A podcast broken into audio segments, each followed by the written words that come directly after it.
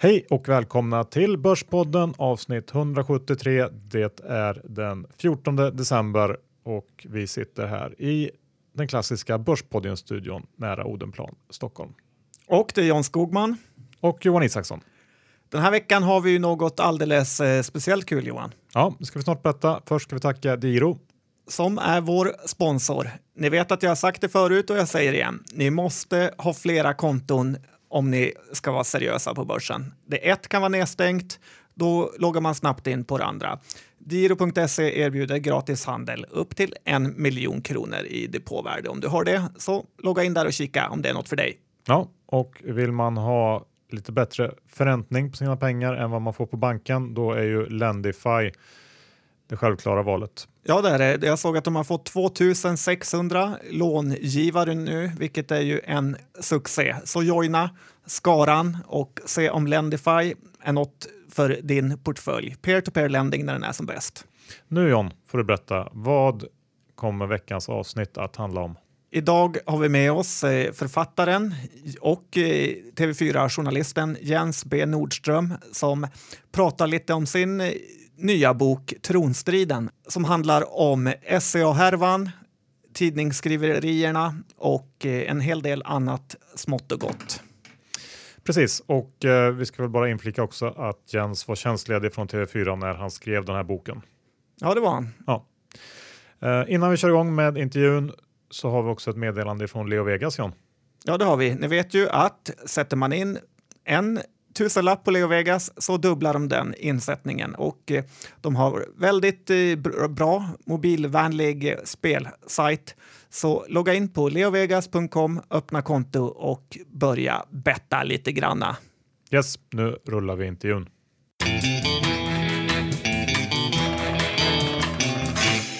Sådär, idag har vi Jens B Nordström hos oss i podden. Välkommen Jens! Tack så mycket!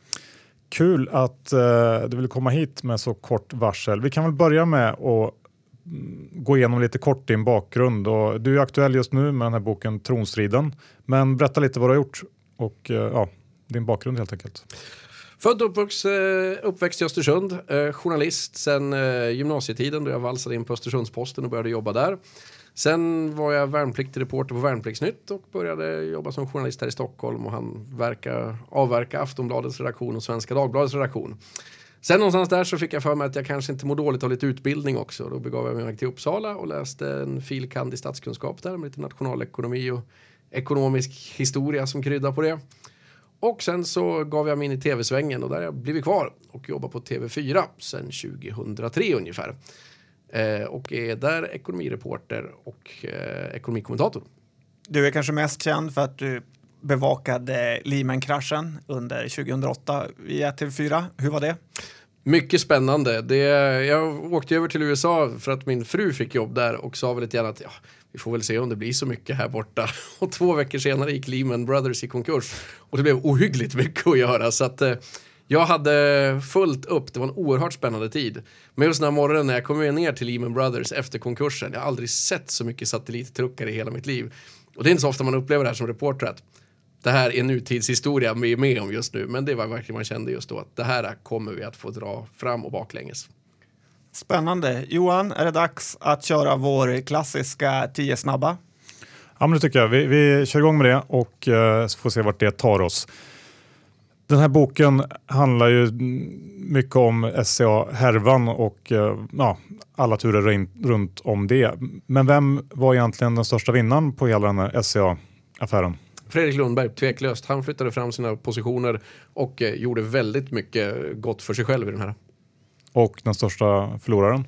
Sverker Martin Löv, han hade ju tänkt sig någonting helt annat när han klev av. Att det skulle vara ett tronskifte, en succession, så helt andra människor som skulle ta över och att Fredrik Lundberg skulle hållas kort. Så att han är väl den som verkligen har tappat här. Vilken av medias eh, överdrifter tycker du har varit värst i den här affären?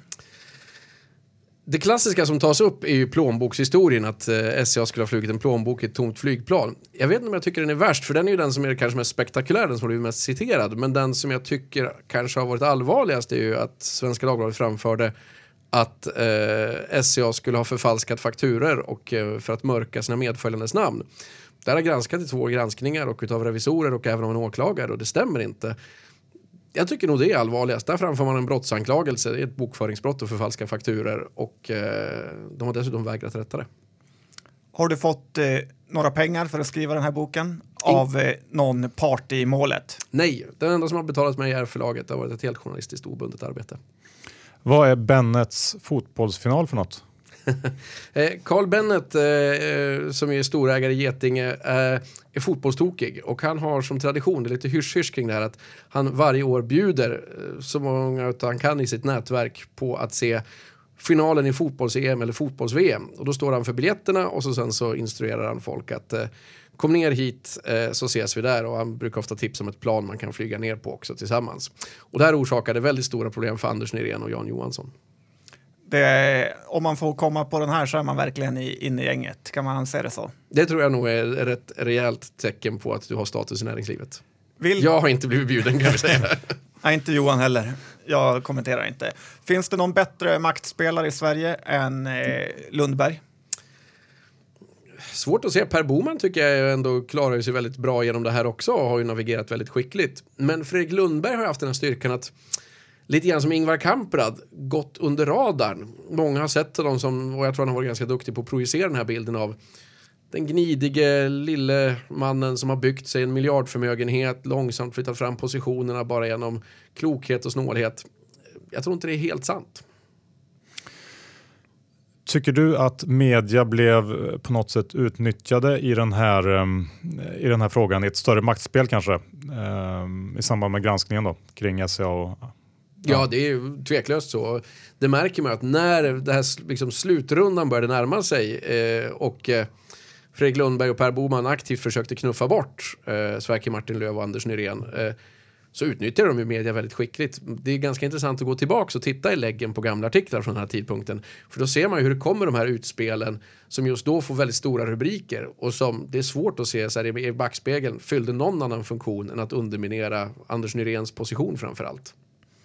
Ja, vi kommer djupare på det, men det här var ju tio snabba. Här har vi den sista. Kommer du sakna Ekvall på TV4? ja, det kommer jag göra för jag tycker att han är en skicklig nyhetsjägare och skickliga nyhetsjägare finns det alltid plats för på en redaktion. Men inte lika skicklig maktspelare kanske? Inte nödvändigtvis det.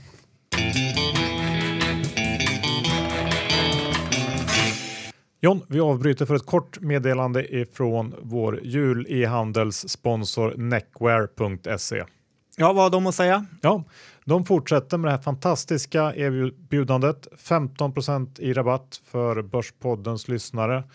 Eh, man hinner fortfarande beställa därifrån och eh, få hem julklapparna innan jul. Fri frakt, eh, väldigt snabb service och allmänt trevligt utbud när det gäller skjortor och accessoarer och dylikt. 15% rabatt får man om man anger koden Börspodden. Neckwear.se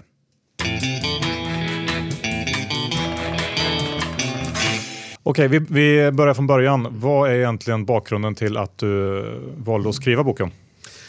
Jag eh, hade följt den här som en del av nyhetsbevakningen på TV4, allt som hände i SCA. Det skedde ju oerhört mycket oerhört snabbt. Och jag minns att jag under resans gång tänkte lite grann att här händer det nog väldigt mycket mer i kulisserna än vad vi vet om. Men det fanns inte riktigt tid att gå följa upp det här. Utan det, sen så kom det ny händelseutveckling och så var man tvungen att springa på de bollarna och så fick man släppa lite grann de här frågetecknen man hade och lämna det bakom sig. Men sen så var det så att jag hade ingen tanke på någon bok i det läget. Jag hade precis skrivit en bok om Saab Automobils konkurs, var ganska trött efter det. Eh, vi hade precis fått ett barn till och tajmingen var minst sagt usel om man ska vara helt ärlig. Men så ringde Sverker Martin Löv och var arg efter en sändning och skällde ut mig och så pratade vi lite grann i alla fall och jag gjorde väl lite grann så här som man ofta gör när man som reporter blir uppringd av någon som är arg. Man lyssnar och så säger man artigt ja, ja vi tar till oss av dina synpunkter och så lär jag på. Men så var det lite saker som han sagt som ändå så här, ja det här visste jag inte om och så började jag fundera och så sen så hade jag kanske kunnat stanna där men så ringde han igen. Jag tror det hade inte att göra med att han nödvändigtvis tyckte liksom att jag var den bästa reportern i världen utan jag tror nog var så att jag var den enda som lite artigt lyssnade på honom vid den här tidpunkten för han var ju han hade liksom fallit från tronen, han var eh, borta ur näringslivet, han var universellt sågad överallt. Och jag var den enda som lite artigt satt kvar i luren. Och ju mer vi pratade desto mer började jag inse att det fanns en annan historia här bakom. Att det här hade utspelat sig en maktkamp i industrivärlden, sfären som man inte visste så mycket om.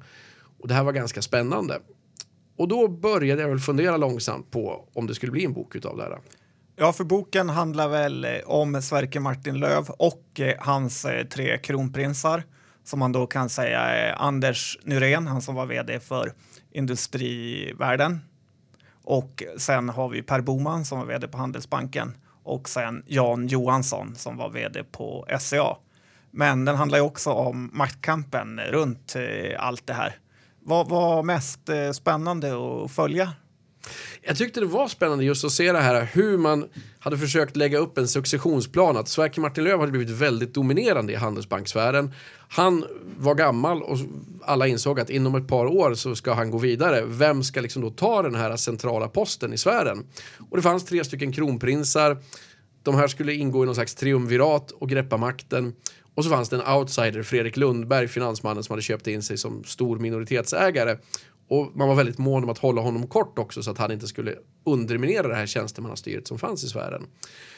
Och jag tyckte det var ganska intressant att se hur de här planerna repades upp, gick om, i bitar och hur Fredrik Lundberg väldigt skickligt såg till att korten föll ut i hans favör i slutändan. Ja, för en anledning till att de vill behålla den här tjänstemannastyrningen, eller Sverker Martin Lövs anledning, är ju för att han enligt han själv då värnar mycket om den svenska modellen att ha stora svenska företag här, eller hur? Det är ju det argumentet Sverker Martin Löv framför att Handelsbanksfären har ju funnits under väldigt lång tid, varit den andra stora motpolen till Wallenbergsfären i svensk näringsliv. Och de har ju då alltid hävdat på att vanliga eh, ägare på börsen klarar inte av att ta ett långsiktigt industriellt ansvar. Det måste den här sortens investmentbolag och sfärer ta istället. Att Eh, bolag måste få tid att jobba sig igenom problem, man kan inte styras av kvartalskapitalism. Det här är oerhört gammaldags åsikter, det finns ju få som framförde sådana här saker i Sverige idag förutom Sverker Martin Löv. Men det är åtminstone den officiella förklaringen han ger. Sen kan man ju säga att det finns ju också ett egenintresse att det här maktsystemet vill ju skydda sig självt också. Det finns ju flera stycken av de här tjänstemännen som odlats fram i det här systemet som får möjlighet att styra gigantiska bolag utan att ha några egna pengar så det är klart att det finns ett sånt intresse också att man vill bevara ett slags status quo också, egenintresse. Du måste ha fått en hel del ovänner när du har skrivit den här boken. Du går hårt åt eh, Svenska Dagbladet och även Dagens Industri. Eh, har du några vänner kvar? ja, det intressanta med sådana här saker är att man får nya och en del ganska oväntade vänner och sen så får man ju en hel del ovänner som du nämner. Vi har haft en ganska märkliga eh, upplägget här den senaste tiden att jag är just nu oerhört älskad i näringslivet där det är många som har läst den här eh, och inte så omtyckt i media. Sånt där brukar rätta till sig med tiden eh, och jag tycker mig se att en viss tillnyktring börjar ske på en del redaktioner. Men en del personer är väldigt, väldigt arga, det stämmer. Det ryktas om att du blev flyttad eller någon, Carolina Neurath begärde en ny sittningspartner när ni var på någon gala. Ja, Stämmer det? jo, eh, när Stora Journalistpriset delades ut så eh, var det många som sa, det var första gången som jag blev inbjuden till Stora Journalistpriset eh, och då var det många som sa att ja, bordsplacering lite A och O, det blir en trevlig kväll. Så jag var väldigt nyfiken, så jag undrar vad jag får bredvid mig och så kom jag fram till bordet och så upptäcker jag att till vänster sitter Stefan, eller så säger, sitter Fredrik Karén, Svenska Dagbladets chefredaktör och mitt emot så sitter, så sitter det namnskylt med Carolina Neurath. Hon kommer dit, tittar på mig och säger jag vill ha en ny bordsplacering och eh, vänder på klacken. Och eh, efter ett tag så kom Martin Jönsson från Dagens Nyheter lommande och sa att han hade blivit ombedd att sätta sig där istället. Så att det är bottenlöst hat mot dig på svenskan? Ja, jag har ju en del vänner kvar där fortfarande, men eh, en av dem beskrev det ungefär som att jag tror inte du förstår hur illa omtyckt du är just nu, för att, och det kan man väl det är ju inte oväntat för det är ju deras stora triumf som jag uh, har synpunkter på här. Men min vän på redaktionen där beskrev det som att det är ungefär du och Saddam Hussein. Det är så ondskefull du anses vara där. Så att det, det är inte jättesoligt, det kan jag väl inte påstå. Ja, men då har du lyckats med något i alla fall. Ska vi gå igenom hela den här härvan egentligen, hur den börjar? Det börjar med att media gav sig på Sverker Martin Löv, jaktstugorna och deras eh, flyg. Jo men det stämmer. Eh, svenska Dagbladet började med en ganska oskyldig artikel som handlade mer om Brommas nedläggning. Och då eh, trädde Sverker Martin-Löf fram och sa att eh, jag eh, tycker att Bromma ska behållas, det här är viktigt för svenska företag. Mycket av affärsflyget utgår härifrån och vi skulle gärna se att det här behölls. Och så finns det en slutfråga i artikeln som är lite, grann så här, ja, som är lite konstig i en sån artikel där det är frågan, finns det något inslag av att man får en gratisresa om man har jobbat bra ungefär eller någonting sånt där, så säger Sverker Martin Löv. Nej, det, det gör det inte. Och sen återkom Svenska Dagbladet och bet sig fast i det här och hävdade att det fanns sådana inslag att eh, man fick ta med medföljande och liknande. Och så kom det ett hel radda artiklar, det var väldigt många artiklar, jag tror det är 150 stycken ungefär som det noterade, summerade ihop till i slutändan. Men det som folk minns är väl ungefär att det Svenska Dagbladet framförde var att SCA hade flugit alldeles för vidlyftigt med det här planet. Man hade tagit med fruar och barn och jakthundar, åkt på privatresor och nöjesresor. Man hade haft extravaganta jakter uppe i Henvålen, den här uh, jaktstugan man hade låtit bygga där uppe. Och man hade flugit in kändiskockar dit och flugit ut sprit på fjället och allting var mycket olämpligt. Inget av det här stämmer, eller så är det sanningar med grova modifikationer skulle man kunna säga. Eh, och det var ingenting jag hade väntat mig hitta. Jag trodde det här var helt korrekt när jag började skriva den här boken och sa till och med till Sverker Martin Löf det här kommer inte bli någon mediegranskning. Men i takt med att jag började liksom ögna igenom det här så upptäckte jag att det var mer och mer saker som var konstiga och som inte stämde. Men vad var det i det här då? Som, vad, är, så, vad är sanningen lite i det här? Eh, sanningen är att medföljande fick följa med eh, SCAs plan eh, om man skulle iväg på någon jobbresa. Eh, och det var, Svenska Dagbladet har skrivit att det här var privatresor ibland eller man åkte till privatreseliknande destinationer men det har alltid funnits ett arbetssyfte med det. Att man har åkt iväg antingen för en representation eller för en konferens eller någonting liknande och så har en medföljande följt med. Eh, det här har medföljande fakturerats och eh, fått betala för. Och eh, då kan man ju diskutera det finns folk som har framfört att ja, men hade det inte varit bättre om de hade flugit till något annat plan? Men jag har lite svårt att se egentligen vad är vinsten med att vdn sitter i SCAs flygplan och eh, den medföljande sitter i ett flygplan 2000 meter längre bak bara för att åka reguljärt. Det är ingen tydlig besparing i det egentligen eftersom flygplanet ändå ska åka. Så att där fanns det liksom sanningar med rätt grova modifikationer när det gäller flyget. Jakten var det nästan ingenting som stämde på. Där hävdade man att man hade flugit in kändiskockar från eh, Europa. Det finns inga sådana kändiskockar, man har gått igenom alla passagerarlistorna och det finns inga kändiskockar inflygna. Det är Torbjörn Ferneus som är kock från Sundsvall som har jobbat alla tider åt SCA. Vi kan väl möjligen säga att Sundsvall är väl visst en del av Europa men det är ju inte riktigt rätt intryck att säga att eh, man har flugit in kändiskockar från Europa när det är en kock från Sundsvall som har kört upp varje gång. Och man hävdade också att eh, man hade flugit ut sprit på fjället med eh, helikoptrar. Helikopterpiloterna säger att det är fel. Eh, jaktledarna säger att vi skulle aldrig acceptera sprit ute när folk går omkring med skjutvapen. Det är inte så man bedriver en jakt. Och som avslutning så hävdade de att den här eh, jaktanläggningen Henvålen låg på ofri grund. Eh, och eh, det krävs bara ett samtal till eh, Lantmäteriet för att få veta att det ligger inte på ofri grund. Det här är fel. Men allt det här fick enormt stort genomslag och övertygade världen om att SCAs ledning hade tappat markkontakten och blivit galen.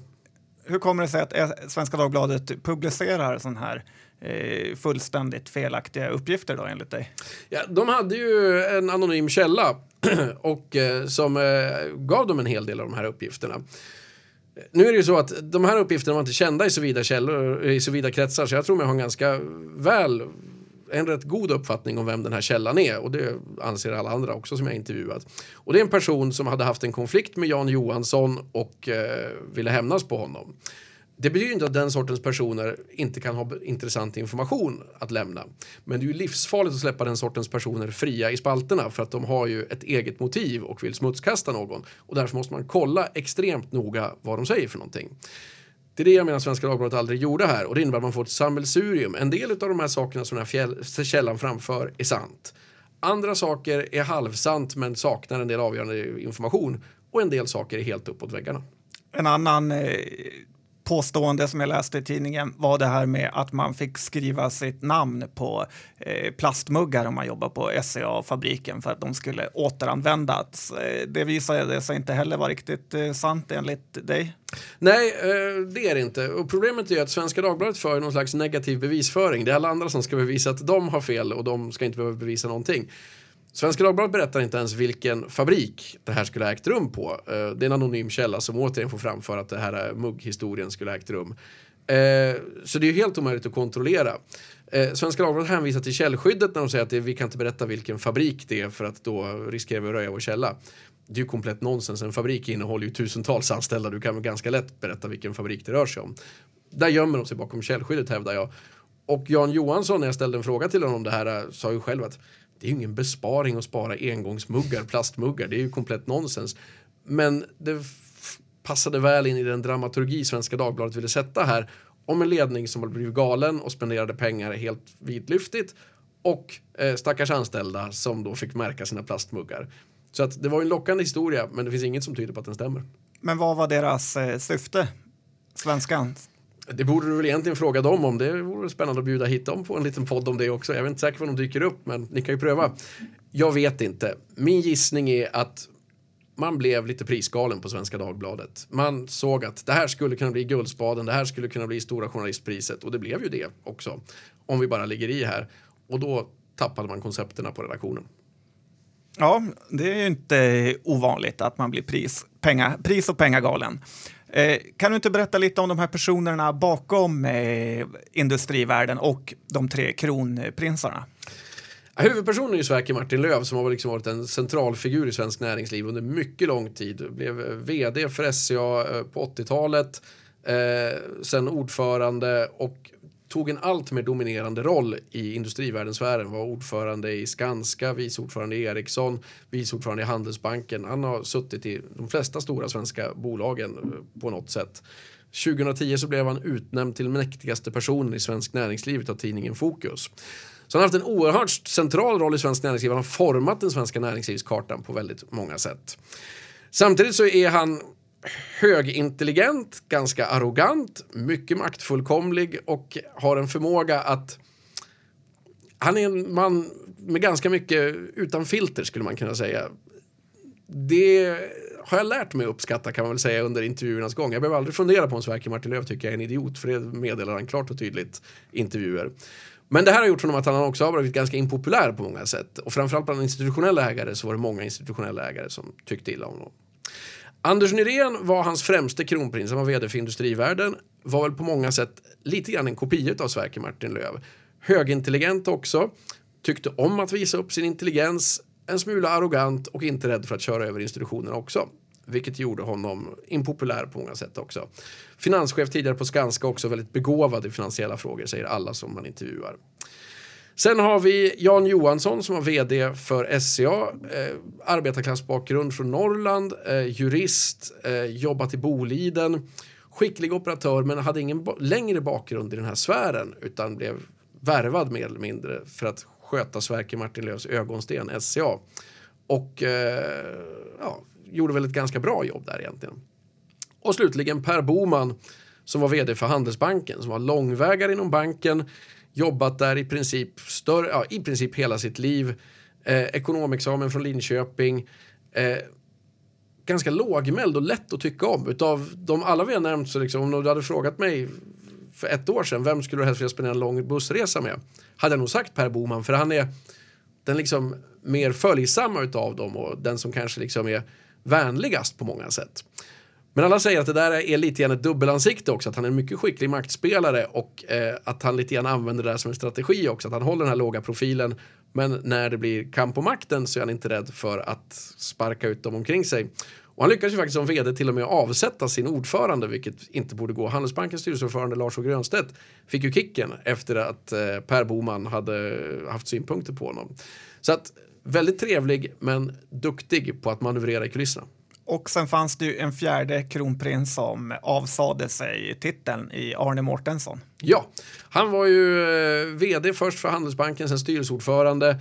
Fått en central roll. Alla trodde väl att han skulle liksom kliva på och eh, axla en del av Sverker Martin Löfs mantel i alla fall. Och istället så gick han och köpte en segelbåt och eh, sa jag ska ut och segla och åka jorden runt. Och sen försvann han bara iväg med sin fru ut på de sju haven. Och eh, sfären stod ju helt handfallen. Det här var ju inte alls i linje med traditionerna, förväntningarna. Eh, en person ger liknelsen att det var ungefär som att äldste sonen i en familj istället för att ta över familjeföretaget så säger han jag ska spela i rockband. Det var eh, inte alls en särskilt populärt beslut det här. Eh, och gjorde att man fick ganska stora hål i den här maktstrukturen också. Han hade förväntats ta en central roll och helt plötsligt försvann han och då blev det ont om folk som kunde täcka upp.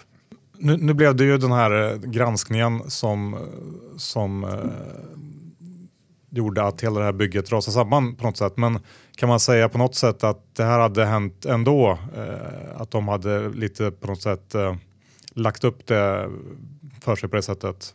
Man kan säga att sådana här saker föds sällan i ett vakuum. Det fanns ett stort missnöje med framförallt Sverker Martin Löv och Anders Nyrén. De hade flera gånger kört över institutionerna i kraft av sin styrkeposition. De hade så pass mycket aktier så de sa till institutionerna vi struntar i vad ni tycker, vi kommer att göra som vi vill. Det var ju inte särskilt populärt eh, och flera av institutionerna har ju sagt när jag intervjuat dem också att det finns andra ägare som har precis samma styrkeposition men som åtminstone, som någon uttryckte det, har artigheten att säga vi hör vad ni säger. Det gjorde aldrig Sverker Martin Löf och Anders Nyrén. De lät meddela hur styrkeförhållandena var och sen gjorde de som de ville. Det här väckte mycket ont blod och gjorde att de var impopulära. Sen är ju hela sfären, hela industrivärldensfären som bygge var ju instabilt. Det här tjänstemannaväldet var ju instabilt i och med att det inte saknades en ägare med stora pengar i bakgrunden. Så att jag tror att över tid så hade det här nog demonterats på ett eller annat sätt. Men sen om det hade hänt på det sättet det gjorde eller om det hade hänt om 15-20 år det kan vi ju aldrig veta. Det blev i alla fall ett väldigt snabbt och smärtsamt avslut på tjänstemannaväldet nu kan man väl säga. Ja, för det där är det ena gänget och på andra sidan har vi ju Lundberg. Eh, kan du berätta lite om eh, Lundberg? Fredrik Lundberg är byggmästarson från Norrköping. Eh, började med en byggrörelse och tog över den eh, 70-talet. Och då började han eh, vidga den här verksamheten från inte bara bygg och fastighet till att gå in med finansiella placeringar. Det här har han skött väldigt skickligt och med små steg. Han har inte varit den här liksom stora eh, stora klivens man utan istället har han knaprat sig långsamt in i bolag. Och på många sätt nästan agerat som en aktieägaraktivist, typ Christer Gardell eller någonting sånt här. Han har köpt så pass stora poster i bolag så att han inte kan ignoreras. Sen har han krävt ändringar eh, som har varit gynnsamma för aktieägarna, större utdelningar och i allmänhet fört ganska mycket liv i de styrelser han suttit i och det har oftast fått två slututfall. Antingen så har han fått som han vill och tjänat ganska bra med pengar på det. Eller så har de andra ägarna blivit så less på honom så att han har fått ganska bra betalt för att försvinna därifrån och eh, ge sig iväg i något annat bolag. Så jag gjorde att han har växt Lundbergföretagen oerhört mycket och är nu en av de rikaste männen i Sverige. Och eh, jag tror han blev tio på Veckans Affärers lista över de rikaste i Sverige. Och håller just nu på att förbereda att skifta över det här till nästa generation. Han har två döttrar som man eh, nu ska låta ta över verksamheten. Det är inom det kommande decenniet. Ja, för tittar man på vad han vill göra i industrivärlden eh, så har ju han rätt intressanta eh, beslut han vill ta. Det här med att han vill sälja Ericsson, han vill sparka Olof Axander han vill, eh, ja, vad är det mer han vill? Ja, man kan ju säga så att när han kommer in i sfären så är det ju först Arne Mårtensson är den som bjuder in honom och det är ganska positiva tongångar. Man tycker att eh, industrivärldensfären hade en tradition av att bjuda in kapitalstarka minoritetsägare och så länge de var liksom nöjda med att spela andra fiolen så var de jättevälkomna.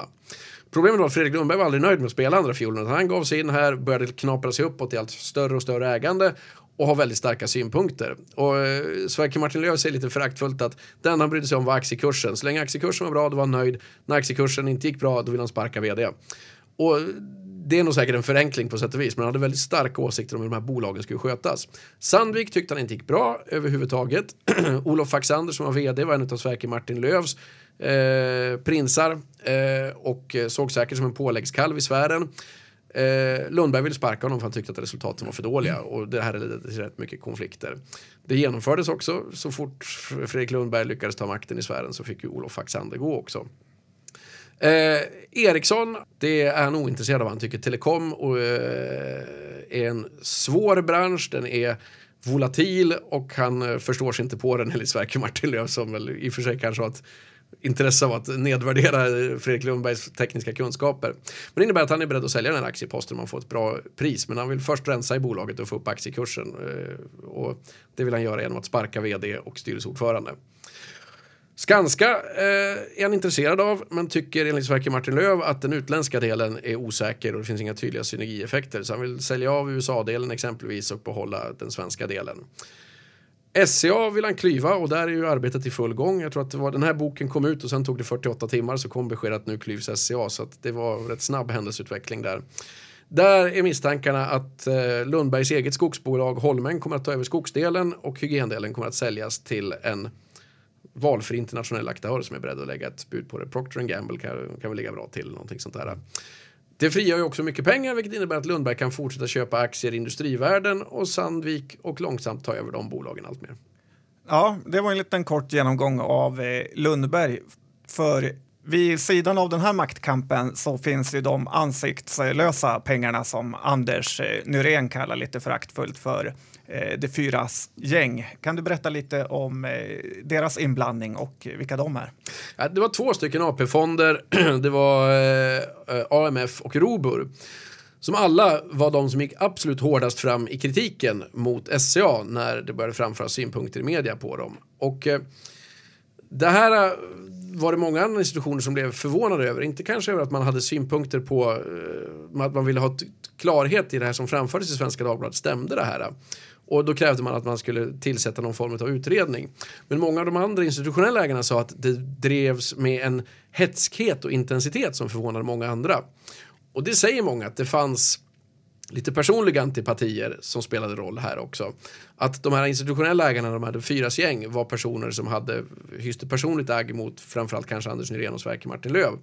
Mats Andersson eh, på en av AP-fonderna som var vd för en av AP-fonderna Eh, har många beskrivit som att han och Anders Nyrén var som hund och katt. Eh, ett exempel som drogs upp var att de hade haft en diskussion om eh, A-aktier skulle handlas med premie eller inte. Och det kan man tycka så här, akademisk diskussion liksom. Så här, bra på universitetsnivå ungefär. Och de hade blivit så jävla ovänner som höll på att börja slåss om det, eh, mer eller mindre.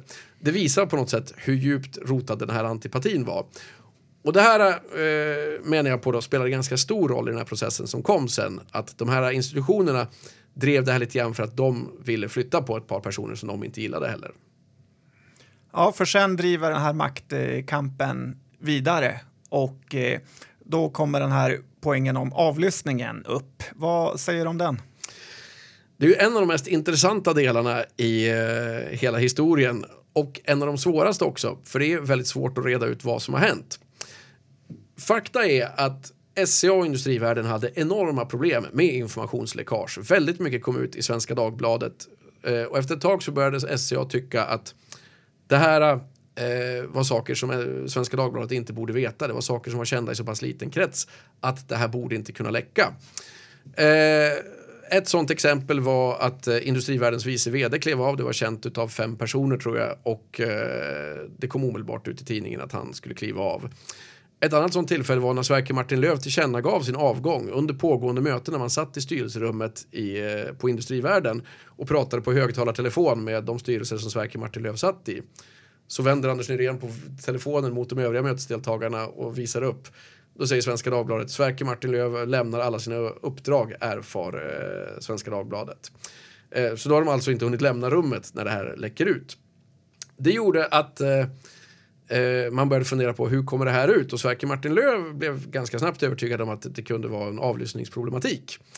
Eh, han blev utskrattad när han eh, framförde det här offentligt. Han pratade om det i Dagens Industri och jag minns det själv också när jag läste det här att nu har det ju brunnit för gubben. Det här är ju eh, paranoida fantasier.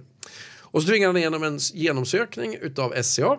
Eh, den var en blandad eh, kompott kan man säga.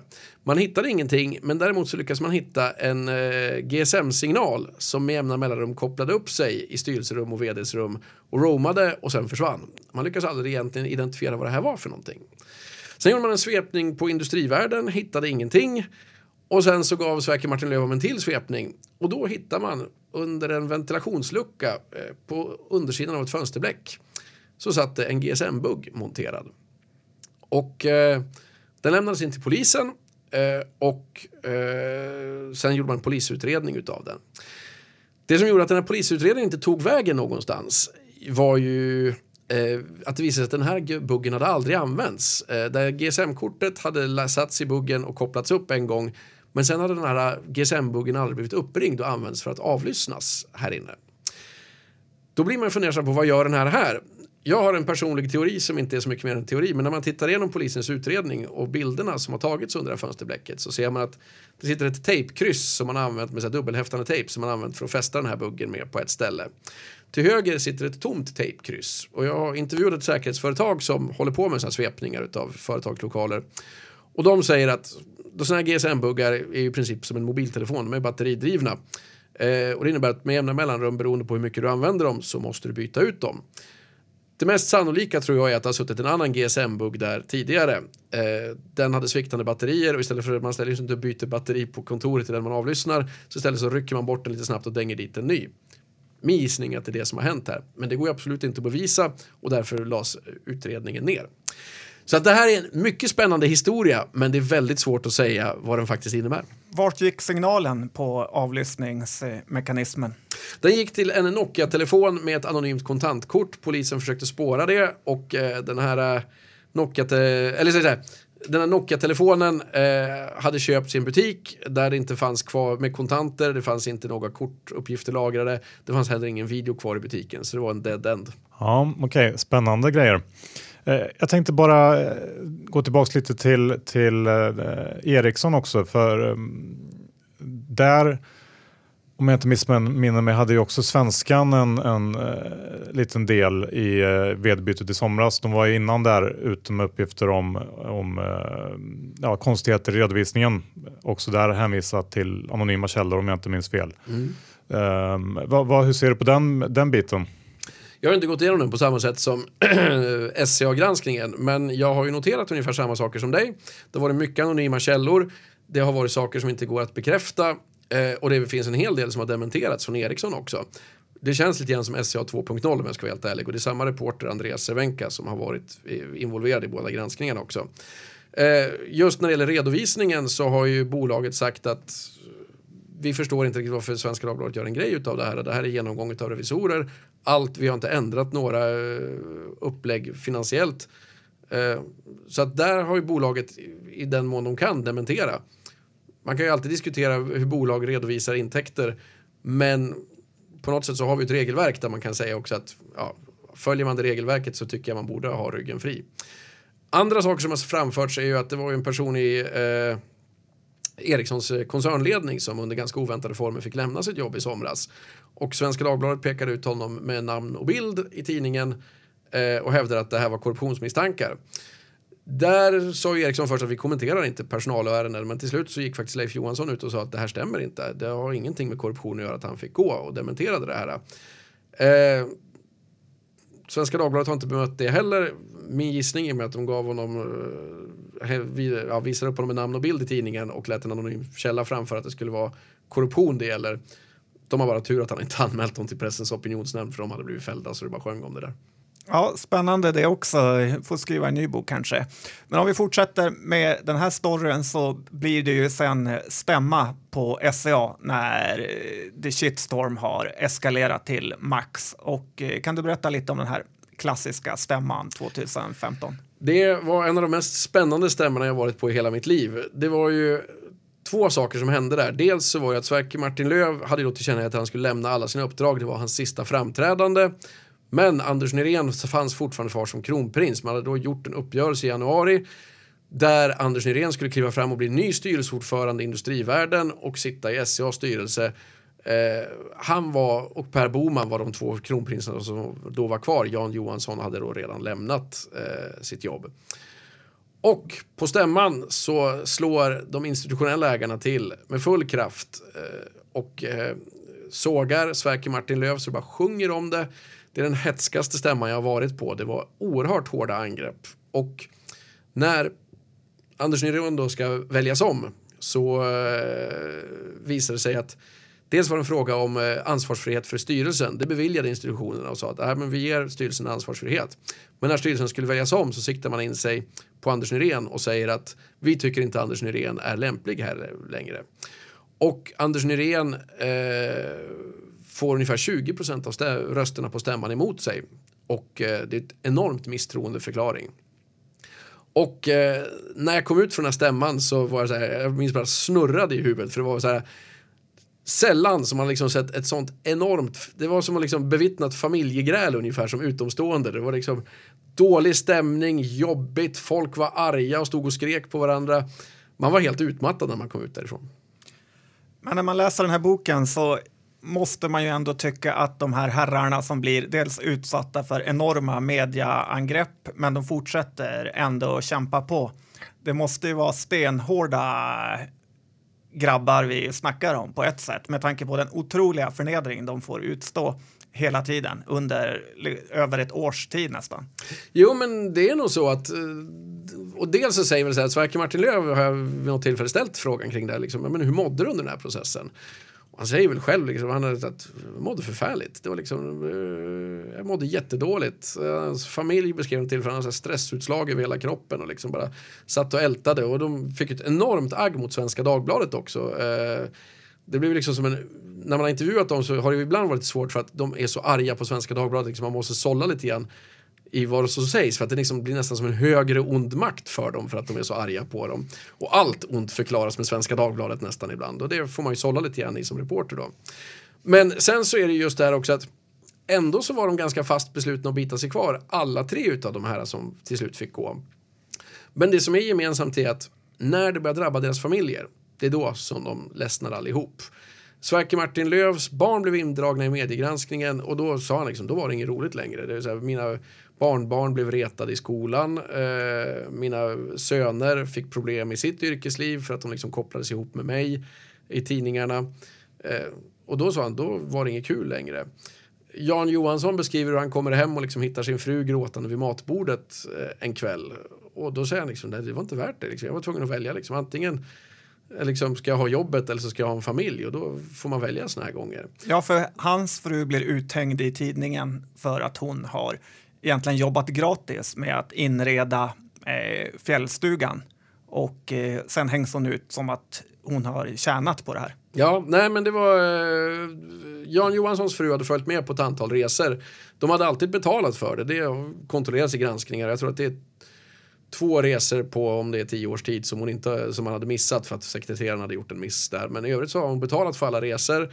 Eh, det var en fråga om inredning av fjällgården Henvålen och någon behövde följa med en inredningsarkitekt upp och det var ju ingen som liksom riktigt hade tid med det. Och så hade Jan Johansson frågat sin fru, kan inte du åka med upp och liksom titta och ha lite synpunkter? Och så tog hon en dag ledigt och gjorde det. Eh, och jag tror granskningen säger att det är ett oortodoxt upplägg men det var ju till gagn för SCA att de fick ju liksom någonting gjort gratis som de annars kanske hade behövt betala någon för. Men eh, det här frestade på henne oerhört eh, och eh, Jan Johansson beskrev det som att hela familjen får ganska illa i den här processen. Och det tror jag är nyttigt för oss journalister att komma ihåg ibland att mediedrev är spännande, det är lätt att dras med i det men det finns också alltid människor någonstans i de här mediedreven som ibland far väldigt, väldigt illa och det tror jag att vi mår bra av att påminna oss om ibland. Ja, som parentes kan man väl eh, lägga till att eh, Ola Roléns son nu har blivit indragen i en hel del artiklar med hans eh, lilla härva. Så att eh, det blir mer och mer familjen som dras in. Jo, så är det. Och jag kan tycka också att ibland är det rimligt också att ställa frågor. Är, man ska skilja på familj och jobb, tycker jag, eh, i den mån det går. Men det där innebär gråzoner också och eh, det är inte alltid som det är motiverat att dra in dem. Eh, jag kan tycka att en del av de här sakerna som Svenska Dagbladet skrev eh, var inte självklara att man skulle ha synpunkter på eller att det faktiskt var någonting man kopplade även till exempel ihop att en av Sverker Martin-Löfs söner hade varit konsult åt en eh, underleverantör i en börsnotering av ett bolag i Australien. Och eh, det är ju en ganska perifer koppling. Liksom, man jobbar ju inte direkt åt SCA eh, utan åt ett annat bolag i samband med den här börsnoteringen. Eh, och ändå så liksom var det han som lastades för att det här skulle ha blivit en dålig affär. Och dels så var det inte en dålig affär, dels så är det kanske lite långsökt att tycka att en underkonsult skulle ha en sån jävla central roll i det här. Så att äh, det, det är lite knepigt att man bör fundera lite grann kring etiken på sådana saker. Men, men om man zoomar ut lite grann den här jaktstugan till exempel. Är det, eh, är det rimligt att man ska ha en, en jaktstuga för 200 miljoner? Eh, bara den grejen i sig? Nej, jag tycker inte det. Eh, men samtidigt så kan man säga också att representationsjakt är någonting som finns i svensk näringsliv. Eh, jag kan sätta frågetecken. Jag tror det har rätt mycket att göra med att vad vd är intresserade av. De tycker att det är kul att jaga och då blir det det sättet man väljer att umgås på. Men det rimliga är ju liksom att ställa sig frågan varför tittar vi just på SCA eftersom att det här förekommer i de flesta andra stora bolag. Varför är just SCA intressant? I och med att man har köpt den här jaktstugan så var det ju en ganska stor investering. Det går inte att komma ifrån och det var oklart om det var värt de här pengarna. Samtidigt så ska man kanske till SCAs försvar säga att det här var någonting man drev in i. Man hade inte tänkt sig att man skulle bli ensam ägare till det här. Eh, bakgrunden var att man hade tidigare jagat på Medstugan. Där ville man omförhandla arrendet och eh, SCA skulle få betala ganska mycket mer. De var, tyckte att det här blev för dyrt så det, på något sätt så var det lite snålhet det handlade om i grund och botten. Och sen så hade man en annan kapitalstark minoritetsägare, Mats O Sundqvist, som var stor ägare eh, innan hans eh, bolag gick omkull i samband med finanskrisen. Och han hade då byggt på den här fjällgården, Henvålen. Det var Mats O Sundqvist som var initiativtagare till det här. Och eh, efter finanskrisen så hade han inte pengar nog att eh, färdigställa det här. Och då hade, kom man överens med SCA att SCA skulle gå in som minoritetsägare och äga en liten del av det här. Sen omkom ju Mats och Sundqvist olyckligtvis och, då, och barnen ville inte driva Henvålen vidare. Och då hamnade SCA i beslutet att antingen så är vi då minoritetsägare tillsammans med någon som vi inte har någon aning om vem det blir när de säljer det här och det kan ju bli precis vem som helst och eh, det kanske vi inte gillar. Eller så får vi köpa hela rasket och då var man tvungen att köpa hela rasket vilket man inte hade planerat. Och sen försökte man göra den här affären bättre. Man breddade ju ägandet, tog in Handelsbanken, Industrivärden. Det fanns planer på att övriga svärbolag som Ericsson, Skanska, eh, SSAB skulle kunna förlägga mer och mer av sina konferensaktiviteter där uppe. Om det bara hade liksom varit en vacker dröm som för att, eller om det hade blivit verklighet att förbättra de här siffrorna. Det går inte att avgöra för att man kom aldrig så långt. Det här blev aldrig verklighet. Men jag kan säga, det är klart motiverat att diskutera om den här anläggningen var värt pengarna. Men om vi ska summera upp det här då så avgår ju Lundberg då med en monstruös eh, seger till slut. Han för Per Boman, kronprinsen, som var Sverker Martin Lövs påläggskalv, eh, blir helt plötsligt, eh, vänder sig till Lundberg istället. Och det är det som jag tycker är det mest fascinerande här, att Per Boman är ju den stora psykologiska gåtan egentligen i den här boken. Eh, han är ju långvägare inom industrivärdensystemet. Eh, jag har flera gånger hört honom på presskonferenser prata om hur bra industrivärdensystemet, handelsbanksystemet har varit för honom att kunna ratta banken. Han har haft en stark ägare i ryggen. Han har sagt att under finanskrisen hade det aldrig gått så här bra om vi inte hade haft det här systemet i ryggen. Och helt plötsligt så bara vänder han sig från sina tidigare allierade och gör gemensam sak med Fredrik Lundberg och röstar bort Anders Nyrén. Och eh, de övriga i sfären står ju som frågetecken eh, och säger liksom vi såg det aldrig komma, vi hade ingen aning om eh, att det här planerades. Och helt plötsligt så eh, byter han sida. Jag har ställt frågan till Per Boman om han vill eh, förklara varför han gjorde så här. Han har avböjt att kommentera det flera gånger. Eh, men det är jättemärkligt att han gör det och mycket förvånande. Ja, tror du inte att han ville rädda Handelsbanken när Anders Nyrén och Sverker Martin var skadat gods i media? Det kan vara så att han såg att det, liksom, det här var det är ju den tolkningen som många har gjort i alla fall att Per Boman såg en möjlighet att eh, eh, rädda sig själv här. Att det gjorde bedömningen att det går inte att rädda Anders Nyrén och Sverker Martin Löv. Eh, då är det bättre att rädda sig själv. Men det motsägs lite grann av att Per Boman gör ett antal medieutspel innan som egentligen inte fyller så stor funktion eh, mer än att underminera Anders Nyréns roll. Och de framstår i efterhand som lite märkliga eh, och det framstår som att han nog bytte tidigare, sida kanske tidigare än vad någon anade egentligen. Det finns den möjligheten. Det finns en möjlighet att han bara såg sig en chans att flytta fram sina egna positioner. Jag vet faktiskt inte. Det hade varit jätteintressant om han ville svara på det, men det vill han inte. Nej, för sen eh, sparkar de Nyrén och eh, tar makten. Lundberg blir ordförande i industrivärlden. Så är det. Det är en oerhört turbulent eh, vecka när allt det här äger rum. Eh, Anders Nyrén kallas upp till Handelsbanken eh, utav Fredrik Lundberg och Per Boman. Får silkesnöret där under oerhört förnedrande former. Eh, I och med att de inte har lyckats flytta på honom eller få honom att avgå självmant så blir det en enorm nedgörning på kontoret där man går igenom allt som är fel och alla sätt han har misskött sfären på. Och då ska man komma ihåg att det här var en person som tre månader tidigare så uttalade båda sitt förtroende och sa att det är mycket bra att han tar över som styrelseordförande i Industrivärden.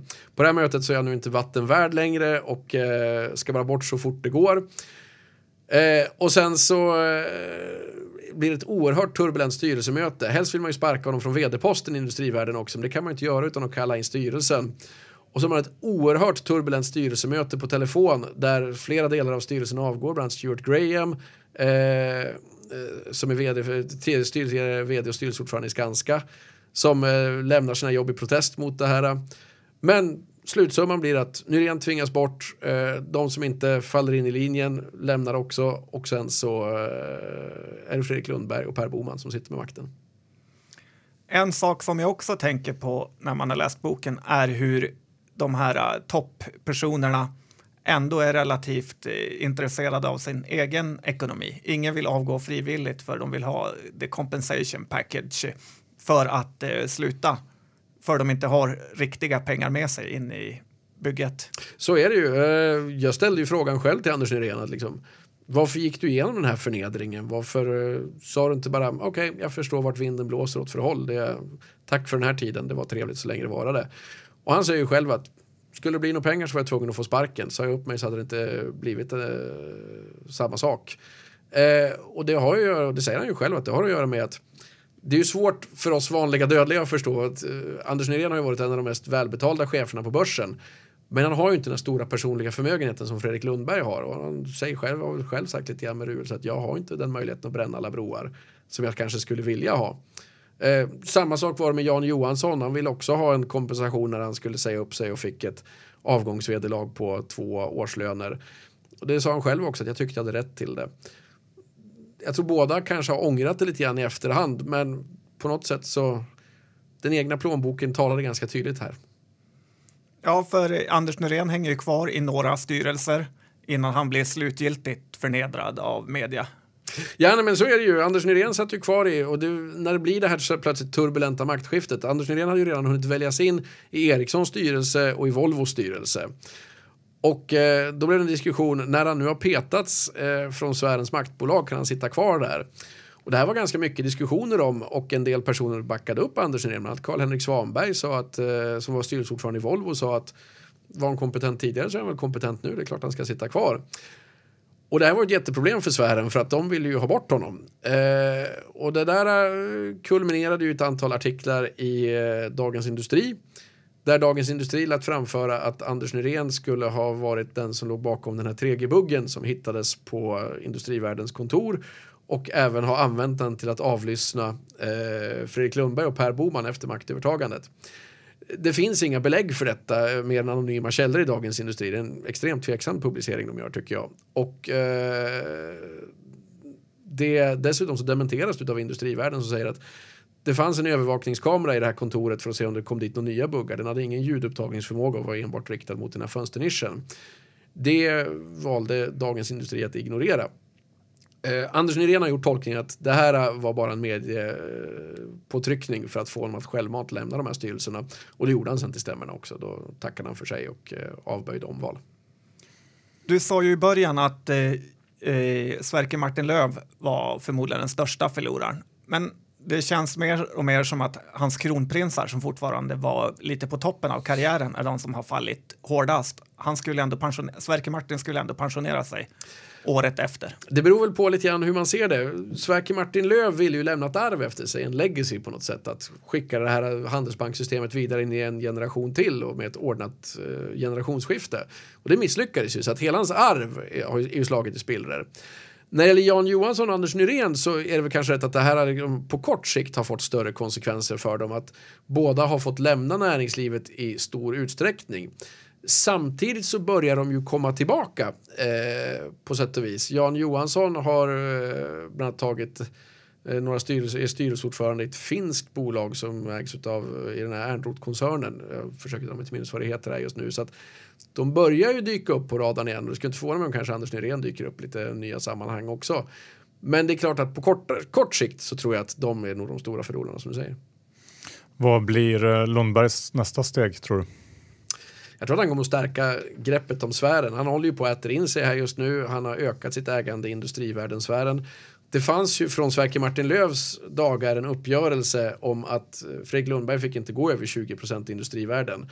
Så fort det här maktövertagandet var genomfört så övergavs även den överenskommelsen. Han har ju krypit snabbt uppåt här nu och eh, när SCA sålde en stor aktiepost så var ju Lundberg som plockade upp en stor del av det.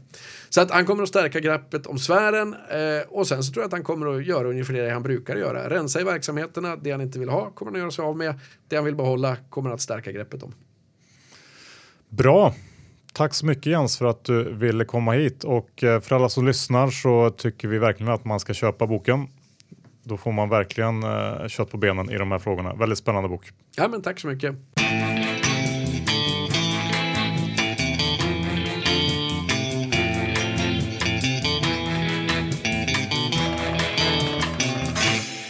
John, det är ju en helt uh, otroligt spännande historia det här. Ja, det är det verkligen. Jag läste boken på två dagar och eh, det har inte hänt sen, eh, nej men det har aldrig hänt tidigare. Så att eh, väldigt bra bok faktiskt. Ja, Bra, tack Jens för att du ville komma. Vi ska också tacka Digiro som sponsrar podden. Ja, Digiro, Digiro, Digiro. Ni vet, känner ju till dem. In och öppna konto. Ni behöver flera konton som seriös börsman. Ja, och man behöver även ett kassaflöde som är lite mer stabilt än det man kanske får från börsen och då passar ju Lendify bra. Ja, det är ju storbankernas kassako. Så gå in på lendify.se och ta åt dig en del av den kakan. Gör det. Vi får inte heller glömma vår spelsponsor Leo Vegas, John. Ja, man vill ju ha något att göra på lördag, sådana här bittra vinterkvällar som vi har i Sverige. Så gå in på leovegas.com, dubbla din första insättning och eh, se vad det finns för roliga odds där ute. Ja, gör det. Då är det dags att runda av. Va? Eh, vi pratar inte så mycket aktier här så det blir ingen innehavsredovisning utan vi tackar helt enkelt för oss och eh, säger på återseende. Om en vecka. Tack och hej. Hej då!